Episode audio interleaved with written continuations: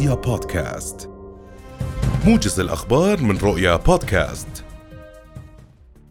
أكد رئيس مجلس محافظة العاصمة أحمد العبد الله أن مشاريع شبكات المياه والصرف الصحي أولوية للعاصمة عمان حيث تم تخصيص نحو مليون ومئتي ألف دينار لهذه الموازنة ولهذه المشاريع مشيرا إلى أن هذه المبالغ غير كافية لتنفيذ هذه المشاريع. وبين العبد الله في حديثه لأخبار السابعة أن هناك وعودا من نائب رئيس الوزراء وزير الإدارة المحلية بأن تكون موازنة العاصمة عمان العام المقبل أعلى من موازنة هذا العام مشددا على أنه سيكون هناك إنجاز للمشاريع وتمديد جزء كبير من شبكات المياه والصرف الصحي على مدار عمر مجلس المحافظة الممتد لأربعة أعوام. تواصل اللجنة النيابية المشتركة القانونية والمرأة وشؤون الأسرة في هذه الأثناء مناقشة مشروع قانون حقوق الطفل لسنة 2022 ويأتي مشروع القانون تبعا لمصادقة الأردن على اتفاقية حقوق الطفل الأمر الذي يتطلب اتخاذ التدابير التشريعية والإدارية وغيرها من التدابير الملائمة لأعمال الحقوق المعترف بها للأطفال في هذه الاتفاقية. رصدت مؤسسة المواصفات والمقاييس أنواعا من محايات الرصاص المنتشرة في السوق المحلية تحتوي على مواد مسرطنة بنسب عالية.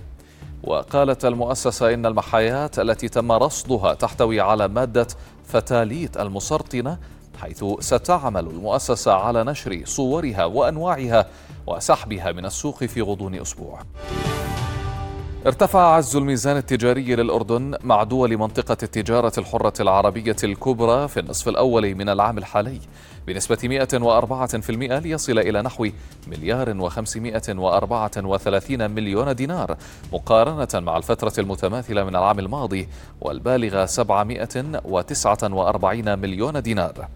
وبحسب بيانات التجارة الخارجية الصادرة عن دائرة الإحصاءات العامة ارتفعت قيمة الصادرات الوطنية إلى دول منطقة التجارة الحرة العربية الكبرى في النصف الأول من العام الحالي بنسبة 15% لتبلغ نحو مليار و239 مليون دينار مقارنة مع الفترة ذاتها من العام الماضي والبالغ مليارا و76 مليون دينار.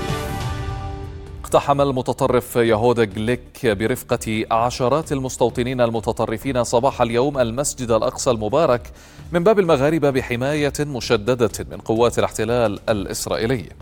وذكرت دائرة الأوقاف الإسلامية في القدس المحتلة أن المستوطنين نظموا جولات استفزازية في ساحاته مشيرا إلى أن المستوطنين تلقوا شروحات عن الهيكل المزعوم وأدوا طقوسا تلمودية في منطقة باب الرحمة شرق الأقصى.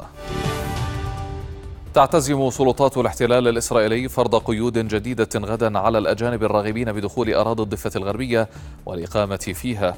وتستهدف هذه القيود التي نشرت في شباط الماضي الأجانب الراغبين في الإقامة أو العمل أو الدراسة أو ممارسة نشاط تطوعي في الضفة الغربية في الأراضي التي يسيطر عليها الاحتلال الإسرائيلي منذ عام 1967